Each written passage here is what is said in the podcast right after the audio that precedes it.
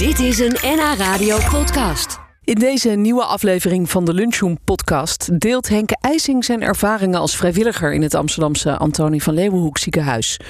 Verder vertelt Robin Blauw, ja, de neef van chefkok Ron Blauw, over zijn nieuwe restaurant, zijn eerste eigen restaurant in de oude haven van Horen. Maar eerst het verhaal van de 20-jarige Vida Assade. Deze ambitieuze jonge dame wil namelijk de president van Ghana worden. Ze was acht jaar oud toen ze met haar ouders van Ghana naar Nederland kwam. Op dit moment studeert ze rechten, maar uiteindelijk wil ze iets terugdoen voor haar land. Daarom volgt ze masterclasses aan de Young Lady Business Academy en ze heeft al echt een ideaalbeeld voor ogen. Ik denk dat ik rond de, nou tussen de 40 en 60 jaar oud ben.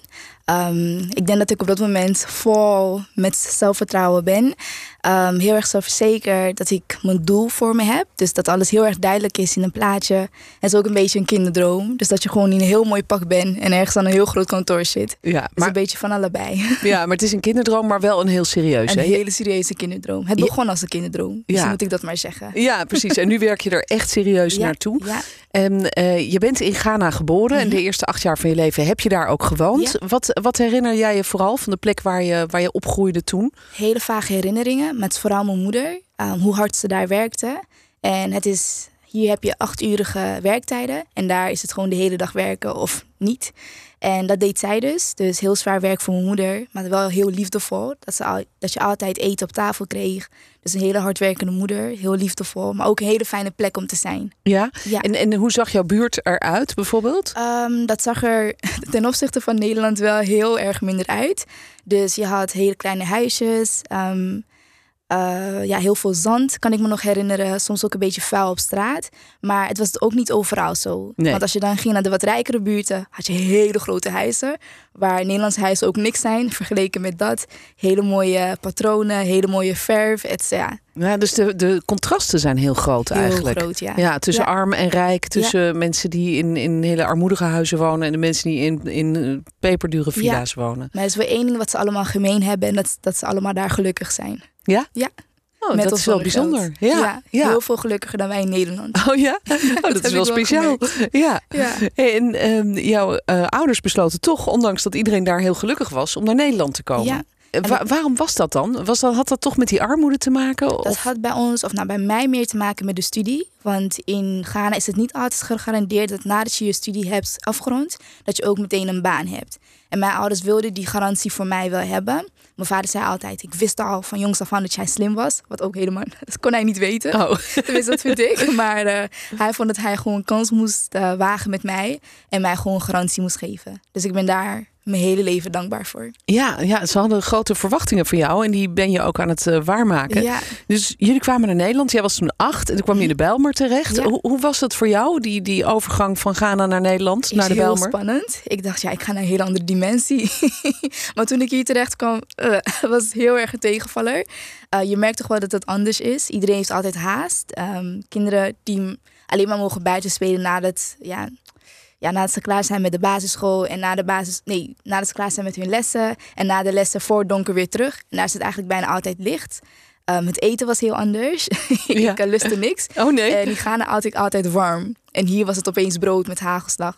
Vind ik tot de dag van vandaag nog steeds niet lekker. Nee? Oh, ik eet oh. bijna geen brood. Ja, ja, oh, dat is inderdaad heel Nederlands. Ja. Ja. om, om- lekker brood bij het ontbijt en brood ja. bij de lunch. En dat, dat vond je vreselijk. Nee, Nee. het was een hele zware periode. Ja, en, en ik kan me voorstellen dat je dan ook wel een rare druk voelt. Want eigenlijk hadden je ouders dit allemaal gedaan voor jou. ja, En dan vond jij het helemaal niet leuk. nee, het is nou niet dat ik het niet leuk vond. Ik vond het nog steeds heel erg spannend. Maar het was, ik denk, een hele grote verandering voor een kind Ja. van acht... die gewoon van haar moeder wordt weggehaald. Maar ook gewoon van haar omgeving. Dus vrienden en familie. Dus Ja. dat was zwaar. Ja, maar je, je, jouw moeder was wel mee, toch? Nee, ik was hier met mijn vader. Oh, je Ja. vader ging mee en je moeder bleef in Ghana. Precies, ja. Want ik heb ook nog eens Ah. broertjes en zusjes. En die zijn nu nog steeds in Ghana. Ah, oké, goed. Ja, nee, dus dan is het ook inderdaad, dan voel je je ook wel een beetje verscheurd eigenlijk. Ja, een klein beetje. Maar het is toch wel met ehm, wij Afrikanen, de band is heel erg sterk. Dus die voel ik tot de dag van vandaag nog steeds. Ook Ja. al spreek ik haar misschien niet dagelijks. Nee, nee, nee. Want, want zij is eigenlijk altijd daar gebleven. Ook nu jij twintig bent, zit zij nog steeds in Ghana. En hebben jullie gewoon contact via, via Skype Ja, of via, via FaceTime WhatsApp, of WhatsApp? Ja, ja, ja, dat is ook wel fijn. Je kan elkaar wel echt dat ik zien. haar even kan zien. Dat, nou, Ja. Zij vindt het heerlijk. Ja. Als het haar zou ik elke dag 30 tot 40 minuten met haar bellen. Misschien zelfs de hele dag. ja. Maar ik kan me wel voorstellen dat het voor jou als kind toch een soort druk opleverde. Dat je denkt, goh, mijn vader doet dit dus voor mij, voor de familie. Maar ik moet dat wel allemaal eens eventjes gaan waarmaken. Want Zeker. ja, wat, wat was de verwachting eigenlijk die ze dan voor jou eh, hadden? Met, toch niet om, om de president te worden? Nee, zeker niet. Ik denk dat mijn moeder zelfs dat een beetje te hoog gegrepen vindt. Zij, ja, ze vond gewoon, ga gewoon lekker naar school. Ehm, we hebben je deze kans gegeven. Doe er alles mee wat je wilt doen. Maar voor haar was studie wel heel erg belangrijk. Ik moest en ik zou mijn school afmaken. Ja. Ongeacht mijn eigen wil. ja. maar dat was de hele punt waarom ik hier was gekomen. Dus eh, ja, het lag hoog, maar niet al te hoog. Nee. Gewoon, ga naar school, maak het af en vind een baan. Dat was Ja. voor hun meer dan voldoende. Ja, maar dat heb je niet gedaan nog, want je bent ook nog gaan studeren. Dus je hebt je school afgemaakt en een studie rechten begonnen. Ja, Daar, daar zit je nu middenin, neem Ja. ik aan. in het tweede jaar, ja. Tweede jaar. Eh, en daarnaast ben je die eh, Young Lady Business Academy gaan, gaan doen. Eh, die is opgezet door Elske Doets. Mhm. Ja. En zij was laatst ook hier. Ze was ooit eh, de zakenvrouw van het jaar. En Mhm. zij heeft natuurlijk een, grote reisorganisatie. En zij eh, heeft die, die opleiding opgezet. Maar wa- wat, wat doe jij daar precies? Wat heb je bijvoorbeeld voor, voor lessen gevolgd? Ehm, je hebt allemaal verschillende masterclasses. Ehm, je hebt masterclasses over geld, dus hoe je je geld moet beheren. Je hebt masterclasses over hoe je een eigen bedrijf kan starten. Met ook heel erg intrinsiek. Dus hoe jij van binnen je gedachten kan ordenen. Hoe je je van jezelf een beetje een powerwoman kan maken. Ja, ja. En het is natuurlijk de meeste meisjes en nu zelfs vrouwen die daar komen, ehm, zijn niet meestal vol met eh, zelfvertrouwen, hebben meestal eh, onzekerheden. En dat probeert zij eigenlijk een beetje eruit te stampen. Ja. Dat jij gewoon nu, dat zodat ik, zoals ik hier zit, dat je gewoon op het podium durft, durft te staan en durft te zeggen: hè, dit is mijn ambitie, dit is mijn droom en ik ga hier alles voor doen. Mooi. Dat is de Young Lady Business Academy. Ja, ja. En, en, en hoe was dat bij jou? Was jij ook nog een beetje onzeker toen je eraan begon? Of, of was Eh, je eigenlijk al zoals je nu bent? Nee, ik was eigenlijk best wel onzeker. Het is ook, niemand heeft eigenlijk een droom als de mijne om president te worden. En meestal, op, ja, toen was ik nog 18, 19 denk ik. Als ik dat dan tegen mensen zei, dachten ze, ja, zij is helemaal gek geworden. Waarom zou jij dat als droom hebben nu nog op je negentiende? Ja. Dus voor mij was het altijd een beetje eng om dat hardop te zeggen. En toen ik het de eerste keer tegen Elske zei, was ze van, oh, oké, dat is leuk. Nou, dat, daar gaan we voor zorgen. Het was een hele normale reactie. Het, bij haar kreeg ik het gevoel, dit is mogelijk. Wat en bij mooi. andere mensen ja. leek het heel ver weg. Ja, die deden misschien een beetje lacherig van ja hoor, is goed meisje. Ja, precies. Ja, komt wel goed hoor. Ja, komt wel goed. ja. oh, maar wat fijn dat er dan iemand is die het in jou ziet, die het serieus neemt. Zeker. En die jou dat vertrouwen geeft. Van, Nou, Ja. dat gaan we gewoon doen. Wa- waar heb je het meest aan gehad trouwens, van die eh, academie? Ik denk aan Elske zelf. Dus dat je echt een rolmodel hebt. Een voorbeeld, gewoon in het echte leven. Iemand naar wie je op kan kijken. Want Elske heeft elke week wel iets anders dat ze doet. Of ze is bij een podcast, of ze staat in de krant. En dat is wel iets heel moois. En Ja. ook het feit dat ze ook iets teruggeeft aan de maatschappij. Ja. Dus ik denk, het, ja, ik heb het meest aan Elske zelf gehad. Ja, zij is echt jouw rolmodel Ja. eigenlijk. Ja. Ja, Want jij wil ook iets terug gaan doen. eh, en dan wel voor het land waar je vandaan komt Ja. en waar jouw familie nog woont. Ehm, en ook je moeder, maar, Ja. maar ook je broertjes en zusjes en, en, en misschien nog, nog meer familie. Eh, hoe, hoe leven zij daar op dit moment? Onder wat voor omstandigheden? Um, op dit moment wel stukken beter dan 20 jaar geleden. Um, nu hebben we een heel mooi huis. Mijn vader werkt ook heel erg hard hier in Nederland. En mijn moeder zelf ook in Ghana. Um, dus ik zou zeggen dat ja, als je het moet vergelijken met een paar jaar geleden toen ik naar hier kwam, is er heel erg veel vooruitgang um, geboekt. Maar ik denk niet dat dat bij alle families zo uh, is geweest. Nee. nee, dus er is daar nog steeds veel armoede. En Ja. Je had het net over slechte huisvesting. Wa- Wat zou nou het eerste zijn dat jij verandert? Stel dat je morgen al gebeld wordt van Mhm. nou, we hebben je nodig. Eh, je wordt onze nieuwe president. Wat, wat zou dan het eerste zijn wat je aanpakt in Ghana? Ik denk bij mij de baanmogelijkheden. Vorig jaar zei ik dan altijd, ja, ik zal meteen huizen gaan bouwen. Omdat ik het gewoon niet fijn vond hoe mensen daar woonden. Uh, maar nu eh, kon ik maar iets doen aan al de afgestudeerden die um, nu daar zitten en gewoon niks te doen hebben. Ik zou toch echt wel hun banen geven.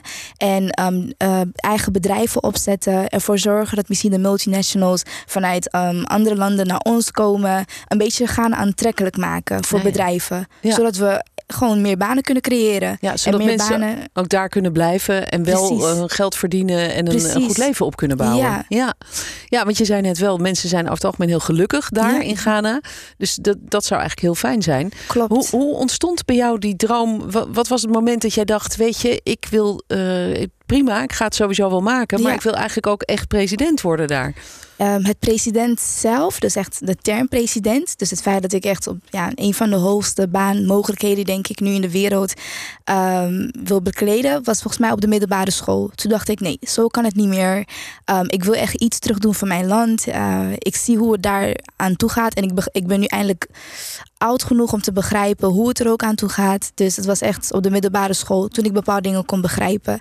Maar het feit dat ik echt iets terug wilde doen voor mijn land, was al toen ik in de vliegtuig stapte Ja. op mijn achtste leeftijd. Oh, wat Ja. mooi.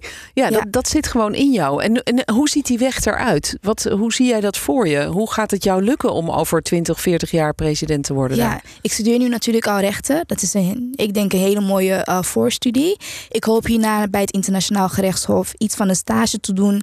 Of misschien heel eventjes te gaan werken. Ik wil natuurlijk weten hoe het daar naartoe gaat hè, bij de Verenigde Naties. Eh, daar kom je heel erg meer... ehm, ja, ja, je komt heel, heel erg meer in de buurt van andere landen. Maar je komt ook in de buurt van andere mensen. Ik denk dat zij, ja, met die netwerken die ik daar opbouw, dat ik heel erg veel meer dicht bij mijn droom kom. Uh, ander punt is misschien ook stage lopen in Ghana zelf. Want ik heb nu natuurlijk een beeld van een paar jaar geleden. Ja. Het kan zijn dat die in de tussentijd al is vertroebeld. Dus ik moet en ik zal ook daar een paar jaar moeten wonen. Lijkt me ook wel verstandig, ja. ja, want, want, hoe gaat het daar nu eigenlijk aan toe? Ja, en, en ook politiek gezien. Want hoe, hoe is dat eigenlijk op dit moment in Ghana? De, de- ik neem aan dat de president gewoon verkozen wordt. Dat er Ja. eh, verkiezingen zijn. Precies, ja. Eh, dus dan zul je toch ook daar een beetje de, de politiek in moeten en, Ja. en bekend moeten worden. Precies, ja. Een beetje proeven hoe het daaraan toe gaat. Het is precies gewoon wat u zegt. Ehm, ja, hoe word ik eigenlijk populair daar? wat moet ik doen om meer stemmen eh, binnen te kunnen krijgen? En dat start al eh, meteen wanneer je ziet dat er een jonge meid is vanuit Europa... ehm, die zo'n droom heeft, denk ik wel dat dat moet gaan lukken. Ja, ja, ja, of ze denken een, een vrouw aan het roer. Hè, wij, wij hebben ook nog steeds nog nooit een, man, een eh, vrouwelijke president Ja. geha- of eh, minister-president dan gehad. Ja, Eh, ik, ik neem aan in Ghana ook nog niet, in toch? Ghana ook nog niet. Nee. Maar ik neem mijn zelfverzekerheid uit eigenlijk uit de tijd. Ik hoop dat dat dan over 20 tot 40 jaar anders is. Ja. Want als ik nu aan de roer moest gaan, dan zou ik eigenlijk niet weten hoe ik daaroverheen moest stappen. Nee, nee. Maar je, het zou mooi zijn als jij de eerste vrouw zou zijn. Dat zou toch Ja, ook dat, eh, mooie dat maakt zijn. mij niet heel erg veel uit. Ik hoop zelfs dat er nu al meer vrouwen komen. maar inderdaad, het zou heel erg mooi meegenomen zijn. Ja, nou, ik wens je heel veel succes met, met jouw eh, ambitie Dank en jouw, en jouw wens. En we gaan zo even op de foto, want ik vind het natuurlijk wel een leuk idee dat dan over twintig jaar dat jij dan voor net verkozen bent tot eh, president van Ghana en dat ik kan zeggen: kijk, hier stond ik met haar op de foto. Ja, In dat de vind ik studio. ook heel erg leuk. Je hoorde de ambitieuze Vida Assare, die dus president van Ghana wil worden. Henk IJsing uit Bad Hoeverdorp werkt al jaren als vrijwilliger in het Amsterdamse Antonie van Leeuwenhoek ziekenhuis in Amsterdam. Hij schreef al zijn belevenissen op in een boek genaamd Handen aan het bed. En hij kwam bij ons langs in de studio, voor hem bekend terrein, want onze studio zit om de hoek bij het ziekenhuis. Dit is eh, bekend terrein en ik woon in Battenverdorp, dus Oké. ik dat- ken, eh, ken het stukje goed Ja, inderdaad. je bent hier heel vaak geweest. Ja. Ook omdat je met je vrouw in het AVL bent geweest. Want Ja. zo begon het eigenlijk allemaal. Ja, dat begon een jaar of zes geleden. Toen ehm, er k- k- kanker werd geconstateerd bij mijn vrouw. En ehm, toen kwamen we in het Antonie van Leeuwenhoek eh, eh, ziekenhuis terecht. Ziekenhuis waar je natuurlijk eigenlijk niet naar binnen wil. Nee. Hè? Eh, dat is duidelijk voor, voor iedereen. Wij moesten toen wel naar binnen. En je hebt daar dan in het begin een, een, een, een, ja, een, een beetje een afschrikwekkend beeld heb je daarvan. Ja, En maar gaande dat hele traject kregen we een steeds beter beeld van het ziekenhuis. Is een prettige ruimte, hoge, hoge, hoge ruimtes, veel licht. En de mensen zijn echt fantastisch eh, daar. En dat geldt voor echt iedereen eh, daar. Eh, vriendelijk, professioneel, goede communicatie. Mijn vrouw is gelukkig helemaal genezen. Ehm, dus wij, na aflopen van dat hele traject had, hadden wij echt een heel goed beeld van, eh, Ja. van dat AVL. En wij waren niet de enige, want dat geldt voor heel veel mensen. En toen ik eh, met pensioen ging, wilde ik iets met vrijwilligerswerk gaan doen. En toen hoorde ik dat er een, ehm, een plaatsje vrij was gekomen in de groep eh, patiëntenvervoerders. Zoals dat zo mooi heet. En toen dacht ik, ja, dat is echt iets voor mij. Dat wil ik ook. ja. En zo ben ik daar terecht gekomen. Ja, zo ben jij begonnen. En Ja. ik begrijp dat het voor meer vrijwilligers eigenlijk geldt. Hè? Dat ze eerst zelf iets met het ziekenhuis te maken Ja. hadden. Of de, dat ze zelf kanker hadden. Of misschien een partner. Ja, dus, dus waar zeg maar, kanker toch echt wel een rol, eh, of zelf of van zeer nabij, een, eh, een rol heeft eh, gespeeld. En ehm, allemaal ook met hetzelfde van ja, daar waren we toen zo tevreden over. En daar wil ik nu iets eh, voor terug doen, iets aan bijdragen. Ja. En ehm, Ja. zo zijn ze daar ook terechtgekomen. Heel mooi dat je nu op, ook weer, eh, weer kan inzetten voor dat bijzondere ziekenhuis. Wat het toch wel is. Ja. Ehm, en wat doe je dan precies? Uh, Ja, wij zijn, vervoeren? eh, maar... Een buurman zei eh, laatst van, oh, eigenlijk ben je gewoon cardioloog. Want wij, wij duwen die bedden van de verpleegafdelingen naar de onderzoeksruimtes. Ja, ja. Eh, dat is onze taak. En daarmee nemen we veel werk uit handen van en de verpleging en de laboranten. Want anders moeten ze die patiënten allemaal zelf ophalen. En dat gaat de hele dag eh, eh, door. Dus we sjouwen ons ook helemaal rot, ja, maar want het is ook best een groot ziekenhuis. Hè? Het is een groot ziekenhuis. En ehm, nou ja, die mensen die daar liggen, die liggen daar omdat ze ziek zijn, maar ook omdat er allerlei onderzoeken of behandelingen ehm, eh, gedaan moeten worden. En wij brengen ze dan daar naartoe en we halen ze ook weer op. Zijn Ja. korte ritjes, vijf of tien minuten. Maar dan ontstaan staan vaak toch hele eh, aparte gesprekjes. Eh, weet je, alle ballast is verdwenen. Hè? Je, je- beide weten we wa- waarom we die mensen daar liggen. Ja, En dan kun je heel veel eh, stadia in het maken van contact kun je eigenlijk overslaan. En dan Ja. kom je snel tot de, tot de kern. Ehm, en nou ja, die gesprekjes waren in feite zo eh, inspirerend eh, voor me. Dat ik dacht van, nou, daar ga ik een eh, boekje over schrijven. ja. Het, het lijkt me ook wel lastig. Want je, je- jij bent die, die mensen aan het vervoeren, zeg maar. Naar Ja. een onderzoek of naar eh, ja, een, misschien een, een behandeling Ja. of, of, of wat dan ook. Ja. Eh, En ik kan me voorstellen dat die mensen ook wel heel gespannen zijn. En je moet natuurlijk niet net het verkeerde doen Nee. of zo. Bij de een kan je misschien een grapje maken, Klopt. maar bij de ander absoluut niet. Absoluut, daar heb je helemaal gelijk in. Dat klopt. En dat moeten we dan ook heel snel proberen in te schatten. Nou, dat leer je vrij snel, moet ik eh, zeggen. Ja. Dus soms wordt er ook helemaal niks gezegd naar, tegen de patiënt. Hè. Die is dan te ziek of voelt zich te, te, te beroerd om überhaupt eh, eh, te praten. Maar bij anderen eh, is dat heel goed mogelijk. Of ze beginnen zelf. Hè. Mensen zijn, ja, die zijn, gaan toch even van de kamer af en Mhm. beginnen vanzelf wel te praten. Of vragen iets aan ons en dan heb je vaak een, een mooi begin om, om, Ja. om, om een gesprekje te voeren. Ja, en het, het, het gekke lijkt me dat je dan dus in heel korte tijd even eigenlijk heel intiem met iemand Ja. in gesprek raakt. Hè? Ja, Dus dat- je zit in een soort klein kokonnetje Ja, waar je opeens elkaar. Maar je hebt elkaar nog nooit eerder gezien. klopt. En dat is echt eh, heel, heel vreemd eigenlijk. Ja, Maar dat heeft ook iets heel erg moois, eh, moet, ik, eh, moet ik zeggen. Wat ik al zei, hè, dus... eh cut the crap. eh, Ja. We komen meteen eh, ter zake, bij wijze van spreken. geen En- small talk van Geen goh, small wat is talk, het weer eh, En vandaag? dan hoeft het ook niet meteen over de ziekte te gaan. Maar dat kan over allerlei aspecten die te maken hebben met die ziekte, kunnen die gesprekjes eh, ja, gaan. Hè? Zo, zoals wat dan bijvoorbeeld? Waar begint iemand dan eh, bijvoorbeeld zelf over? Nou ja, er staat één verhaaltje in over eh, een hond- hondje van iemand. Eh, de, van dat ze het eh, nou ja, niet leuk vinden natuurlijk allemaal eh, om daar eh, eh, te liggen. Maar dat ze het ergste vinden dat ze de hond, hond nu moet eh, missen. Ja, Nou, en toen, en toen- hier moet je kijken. Dus ik heb een foto eh, eh, van, eh, van dat hondje. Nou, dat bleek toevallig hetzelfde hondje te zijn die wij ook, dat wij ook thuis Ja. hebben. Dus dan, toen werd het echt hilarisch en, en, en leuk. ja. Dus dat soort gesprekjes heb je ook. En, en Maar, maar gaat het bijvoorbeeld ook over een, eh, het naderende einde? Als het gaat Ja. over mensen die. hè, De, de mensen die in het Antonie van Leeuwenhoek ziekenhuis Ja. komen, zijn over het algemeen wel echt zwaar ziek. ja, En eh, gaat het daar dan ook over? Ja, en ehm, dat moet je natuurlijk ook niet elke keer bij iedereen doen. Maar als je zoiets zegt van hoe gaat het met u, dan, ehm, dan weet je binnen, binnen 20 seconden of het, eh, of, het, of het inderdaad nog perspectief is. Of dat het inderdaad een naderend eh, einde is. En daar zijn mensen ook heel open over. Ja, Nou ja, dat je- taboe is er misschien een beetje af op ja, die plek. want dat hebben ze natuurlijk voor nou, niet zozeer geaccepteerd, maar ze, ze, hebben daarmee te, te, te leven en te dealen. En sommigen willen Mhm. daar ook heel graag over praten. En dat doen ze ook. Eh, kijk, je moet je ook voorstellen, die verpleging heeft natuurlijk ook niet elke keer tijd om met de mensen te praten. Die zijn hartstikke eh, druk. Ja. En wij tijdens dat rijden en even wachten bij die ruimtes en dan weer terug, heb, heb- hebben dat dan net eh, wel. En je En- hebt natuurlijk zelf die ervaring daar ook gehad, omdat je vrouw ziek was. Dat jullie daar ook zijn geweest met, met alle angst en onzekerheid die erbij komt kijken. Ja, Dus, je, dus je kunt het misschien ook wel goed ja, aanvoelen. nou was dat in die zin zeg maar niet echt te vergelijken, omdat mijn vrouw nooit opgenomen is geweest. En mm -hmm. Het, het, viel zeg maar allemaal behoorlijk mee. Um, maar goed, dat helpt wel. Hè, dat je toch weet van ja, kanker en, en het woord en die ziekte, wat dat allemaal met zich meebrengt. Ook ja. bij de mensen er direct, direct omheen. Ja. Hè, dus of als je niet een gesprek hebt met een patiënt zelf, dan heb je het wel met een partner of een, of een dochter of een, of, of een zoon. Ja. Of een moeder. dat kan natuurlijk ook. Uh, die, die, die, die kom je ook uh, tegen.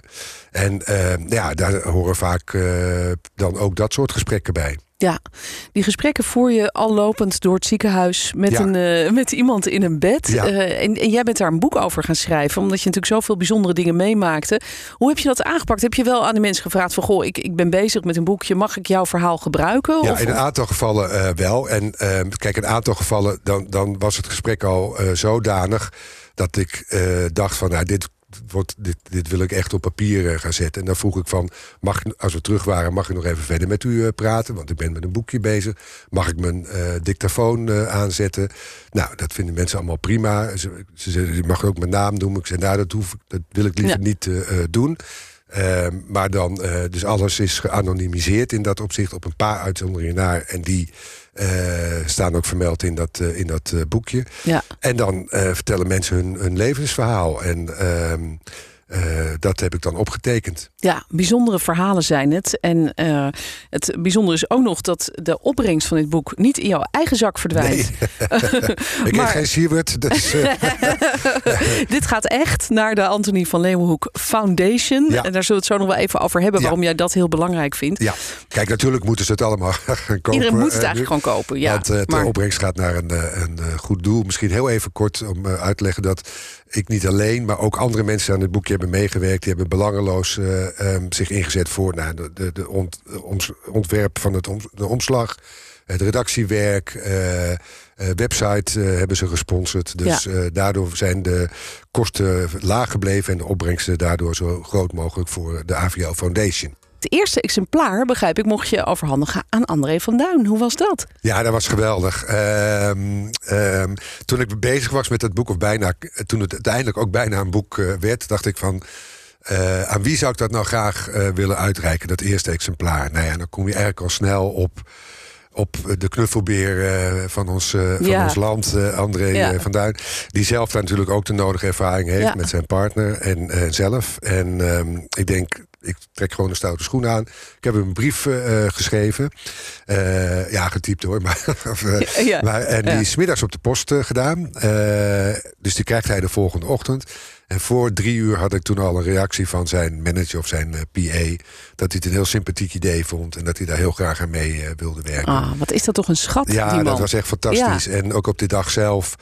Um, ja, nou ja, de man is zo gewoon en daardoor zo bijzonder, uh, moet ik Ja, zeggen. ja. En alles mochten we doen, ook met de pers en uh, dat soort dingen. Alles om zoveel mogelijk geld op te halen voor het AVL. Ja. En die dag was uh, ontzettend leuk. Mooi, bijzonder, ja. Ja, was heel erg leuk. Ja. Ja. want de opbrengst van het boek gaat ook uh, naar het AVL, althans naar de Anthony van. Leeuwenhoek van Foundation. Ja. Wat doen ze? Waarom vind je dat zo belangrijk? Ja, de Foundation uh, is de organisatie die zich inzet voor onderzoek naar kanker.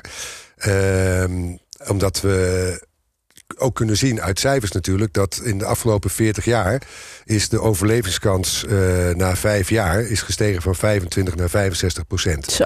En dat is eigenlijk dat alleen maar... is veel, hè? Ja, dat is heel Ja. veel gekomen door continu onderzoek uh, naar nieuwe vormen van bestrijding van, uh, van kanker. Ja. En het mooie van de AVL Foundation is dat uh, al het geld wat daar binnenkomt...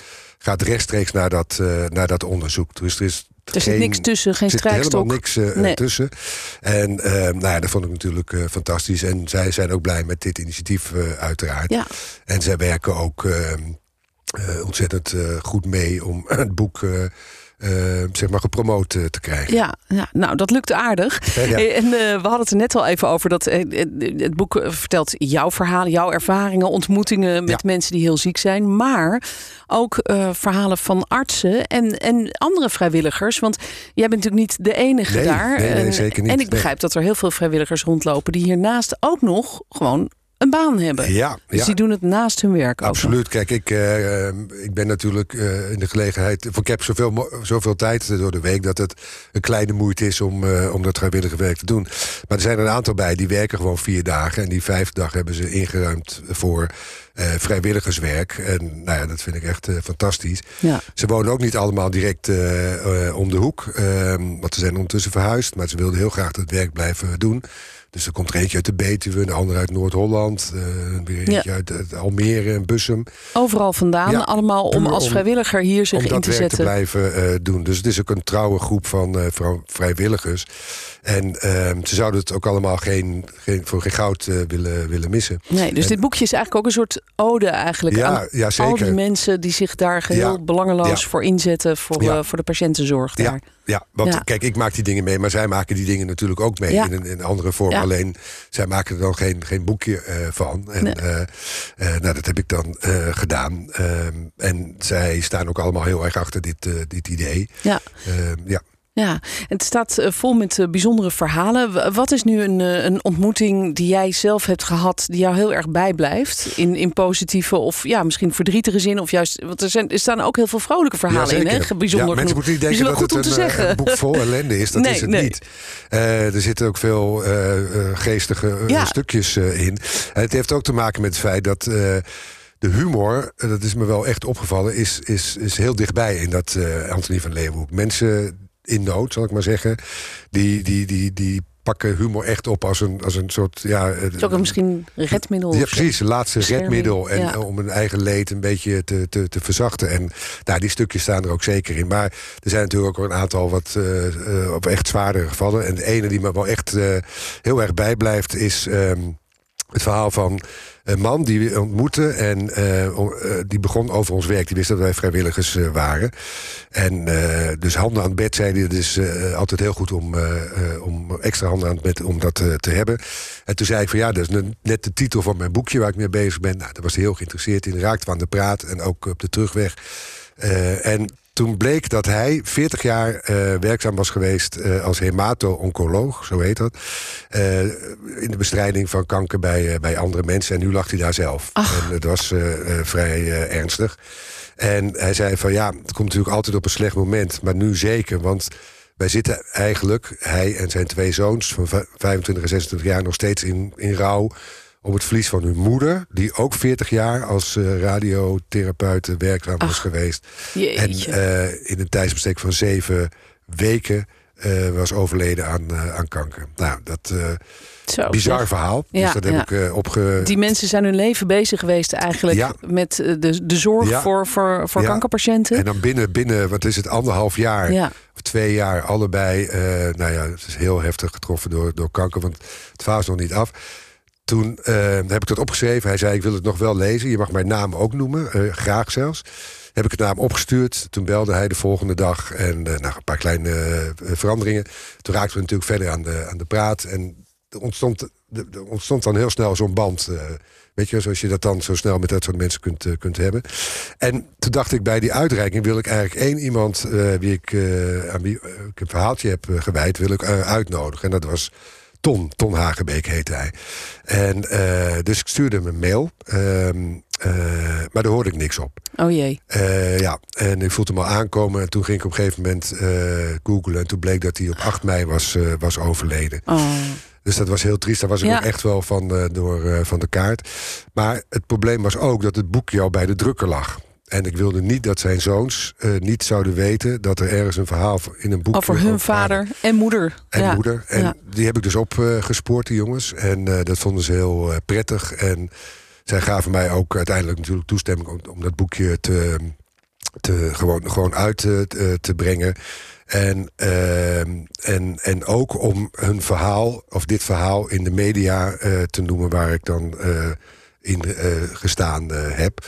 Ook als een soort eerbetoon aan de mensen die hun hele leven zich ingezet hebben voor de bestrijding van kanker.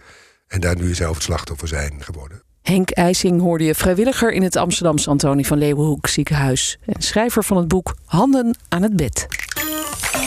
Als alles volgens plan verloopt, gaan na de zomer de deuren open van een nieuw restaurant in de Oude Haven van Horen. Het is de eerste eigen zaak van Robin Blauw. De neef van nog een andere bekende chef-kok, Ron Blauw. Het restaurant gaat Haven heten en is gevestigd in het pand waar eerst het sterrenrestaurant van Lucas Rieven zat.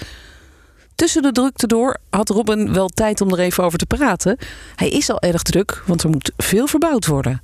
We hebben eigenlijk uh, niks heel gelaten. Alles is eruit gegaan. En, Oh. uh, we proberen gewoon een heel nieuwe zaak van te gaan maken. Zo, dus alleen de buitenkant staat nog eigenlijk, Ja, en, bij wijze van. ja, en grote di- dingen die binnen al stonden, zoals de keuken, die hebben we niet veranderd. Nee, nee, dat is natuurlijk ook een enorme investering, kan ik me dat, voorstellen. ja. ja. dat, eh, en ehm, eh, hoe, hoe voelt dat voor jou om een zaak te openen in zo'n, ja, toch wel eh, heel bekende zaak waar een sterrenchef gekookt heeft?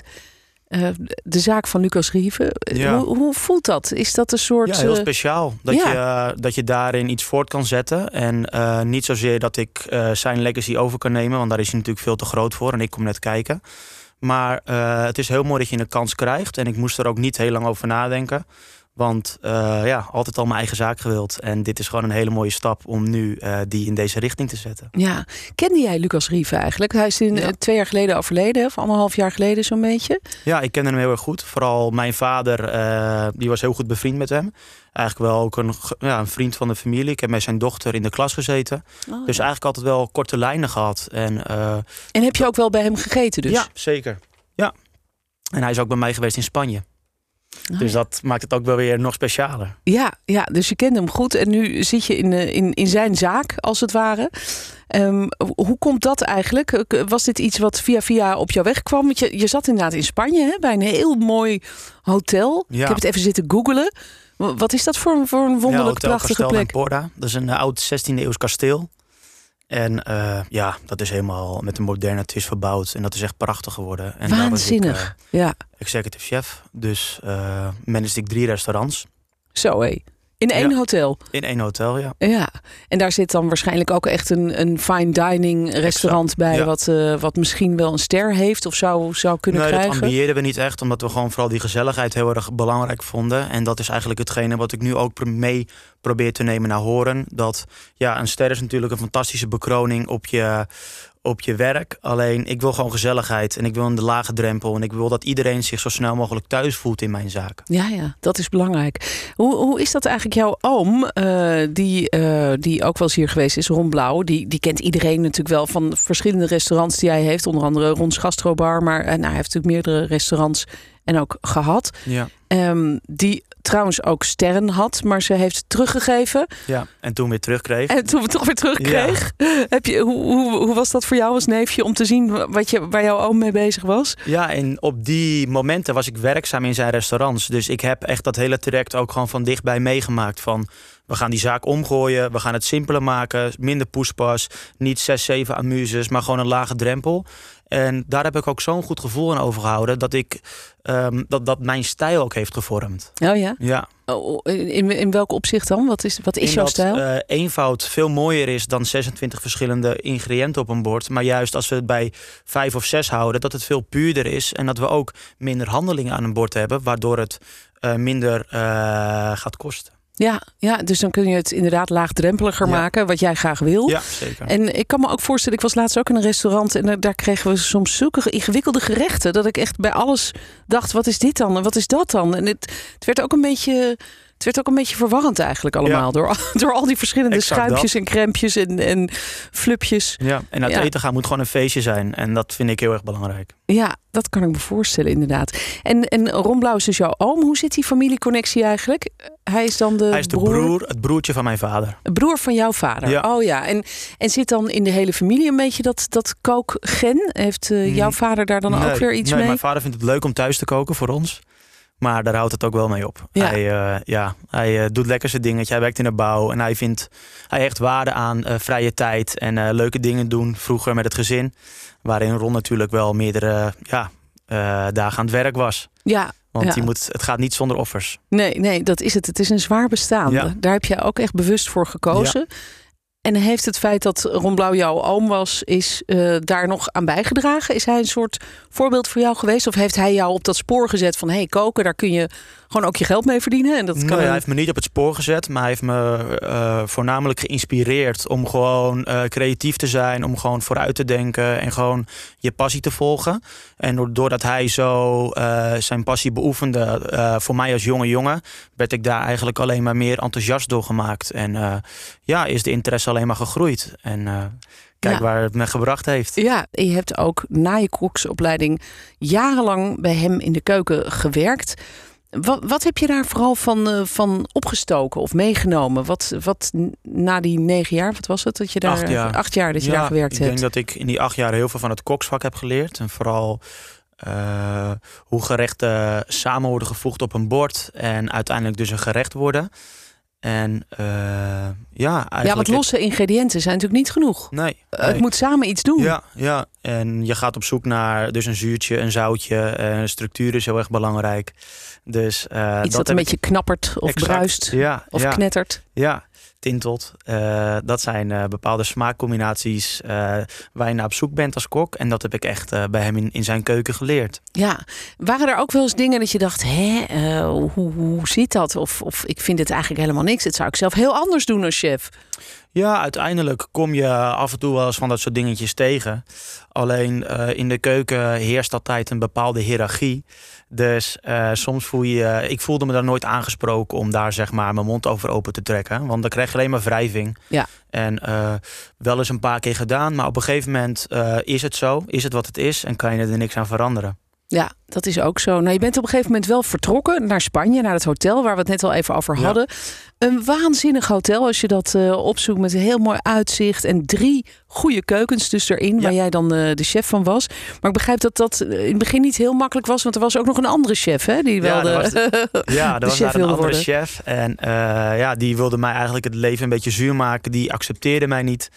Wel in mijn gezicht, dat was het allemaal prima. Alleen achter mijn rug om zette hij het hele team tegen mij op. Oh jee. Dus eh, ja, dat was de beginperiode niet heel erg makkelijk. Nee, en, en toen was je eh, 4, 25 of ja, zo? 23 was ik toen. 23, ben je nog hartstikke jong Ja. natuurlijk. Ja. En eh, ik sprak ook geen Spaans. Dus ik dacht, ik ga echt daar naartoe. En ik zie wel waar het schip strandt. En met hard werken dacht ik er wel te komen. En dat is gelukkig ook gelukt. Ja, uiteindelijk is hij vertrokken. Uiteindelijk is hij vertrokken, ja. ja. Ja, goed gedaan. Maar is dit iets wat, wat vaker speelt in die, in die wereld van de, van de chef-koks? Veel haat en nijd en concurrentie? Mm, ja, ik, ik heb dan zelf dit ene voorbeeld. En voor de rest ben ik er nog niet heel veel mee in aanraking gekomen. Maar eh, ja, het zou kunnen. Ja. Ja, nou je hebt gewoon straks je eigen restaurant. Ja. Dan heb je daar lekker geen last van, want dan heb je je eigen crew. En eh, dan zorg je zelf voor, voor de sfeer en hoe die is. En je bent opgegroeid ook in Horen. Hoe is dat om, eh, om dan een restaurant te openen in je eigen eh, stadje? Ja, is fantastisch. Is zoveel, zoveel positiviteit, zoveel mensen die enthousiast worden en die het heel stoer vinden. En ja, het voelt echt als thuiskomen. Elke dag dat we dan werkzaam zijn in de zaak, komen er wel een stuk of eh, tien mensen binnen. Even gluren, even kijken hoe het gaat. Even vragen, ja, wanneer gaan jullie open? Wanneer gaan jullie open? Dus eh, ja, we worden echt met open armen ontvangen. Oh, dat is wel leuk. speciaal. Ja, zijn de eerste reserveringen al binnen? Ja, zeker. Zeker, ja. Al eh, hebben we nog niet een officiële openingdatum. Er zijn wel eh, mensen die zeggen van, eh, zet me maar op de lijst. Ik kom, eh, ik kom eten. Ah, wat goed. En, en, en wat krijgen we dan te eten? Eh, hè, Stel dat ik een avondje bij jou boek. Wat, Ehm, wat staat we er dan op tafel? We hebben een aantal verschillende snackjes gemaakt. Eh, dat is een eh gefrituurd eh empanadaatje, een aantal van dat soort dingetjes. Oh, je hebt natuurlijk ook jaren in Spanje gewerkt. dus daar heb je natuurlijk ook weer wat van Ja, meegenomen. er komen ook zeker Spaanse invloeden terug. Maar ik wil me niet vastpinnen op één keuken. Ik vind het mooi om verschillende smaken die ik door het reizen heb ontdekt... ook gewoon op mijn kaart te, laten, te laten proeven en te laten zien. En eh, waar we ook mee gaan werken zijn eh, ribstukken. Dat is dus een groter stuk vlees wat je per twee personen kan bestellen... met een frietje en een salade. Eh, dat dus mensen niet geforceerd worden in een aantal kleine gerechtjes bestellen. Je kan ook gewoon een mooi stuk vlees bestellen of een mooi stuk vis. En eh, dat gewoon lekker delen met z'n tweeën. Een lekker flesje wijn erbij en gewoon genieten. Ja, mooi. En hoe zorg je dan dat hij niet eh, te doorbakken wordt, die biefstuk en zo? Ja, dat, dat, dat noemen wij in de keuken cuisson geven. Dan gaan we dus eh, goed controleren wat de kerntemperatuur van het stuk vlees is. Eh, zodat hij niet doorslaat. En Oh, wat ja. daarin heel erg belangrijk is, dat we hem de tijd laten rusten, de tijd die we hem garen. Dus stel als je hem vijf minuten gaart, moet hij vijf minuten rusten. Oh, zo. Ja, want als je hem te snel aansnijdt, dan eh, verliest hij vocht. En dat is, eh, Dat is een beetje zonde. jammer Ja, altijd. hè? Als je een goed stuk vlees hebt en dan, dan loopt het helemaal leeg. Ja. Een beetje zonde. Nou, dus, dus een, een, eigenlijk een beetje een gemengde keuken. Ehm, en de, na de zomer dan kunnen we dat allemaal gaan proeven. Is, is het lastig, denk je, in coronatijd? Of heeft het ook... Er zijn heel veel, veel horecazaken die juist in de problemen zitten. Jij gaat eh, eigenlijk net open midden in de Ja. coronatijd. Of Ja, eigenlijk, ja, alles mag weer open nu natuurlijk. Zeker. En voor mij is het ook heel erg lastig. Want stel de corona zou terugkomen, ik kan geen enkele aanspraak maken op staatssteun. Omdat Nee. ik een nieuw bedrijf ben. En daar ben ik me ook wel te degen van bewust. Alleen, ja, er was nu gewoon het moment voor mij om knoop door te hakken. En ik moet er nu gewoon voor gaan. Want hoe langer ik wacht, ja, dan zou het misschien wel aan andere mensen verkocht zijn. En dan Nou ja. wordt iets net voor je neus weggekaapt. En eh, de locatie is gewoon mijn droomplek. Eh, horen is mijn thuisbasis. Dus het gaat gewoon werken. En ik ben nooit iemand die de makkelijkste weg bewandelt. Dus daar heb ik wel alle vertrouwen in. Ja, dat gaat goed komen. Maar ik kan me voorstellen dat jouw omgeving wel heeft gezegd van... joh, eh, Robin, waar begin je eigenlijk aan? Zeker. Ja? En ook gewoon mensen die zeggen van je moet niet verbouwen, ga meteen open, weet je, ga geld verdienen. En ja, ik snap heel goed dat die mensen dat zeggen. Alleen ik kan, ik kon de zaak van Lucas niet zo opengooien, want daar zit zoveel sentiment in, zoveel gevoel. En Zijn, zijn geest hing daar nog rond eigenlijk. eh, ja, omdat alles eh, wat eh, toen de tijd in die zaak stond, dat was met een bepaalde gedachtegang neergezet. En ik denk gewoon, om een frisse start te maken, moet je ook gewoon een frisse gevoel en een frisse wind door de, door, door de zaak laten waaien. En Ja. daarvoor hebben we daar bewust voor gekozen. Ja, en qua interieur wordt het een heel moderne, hippe zaak... of meer toch een beetje gezellig en... eh, Gezellig. Ja, Gezellig, we ja? gaan veel met hout werken. Omdat Oh ja. natuurlijk, eh, de naam zegt het al. We proberen veel met dat oude drijfhout terug te laten komen in de zaak. Warme tinten, gezelligheid vinden we heel erg belangrijk. nou, En daar hebben we een fantastisch plan mee gemaakt. Dus dat zijn we nu aan het uitvoeren. Chefkok Robin Blauw hoorde je... van het nieuwe restaurant dat na de zomer open gaat... in de Oude Haven van Horen. Dat was het voor deze week. Dankjewel voor het luisteren en eh, graag tot de volgende. Dit was een NH Radio podcast. Voor meer, ga naar nhradio.nl. Radio.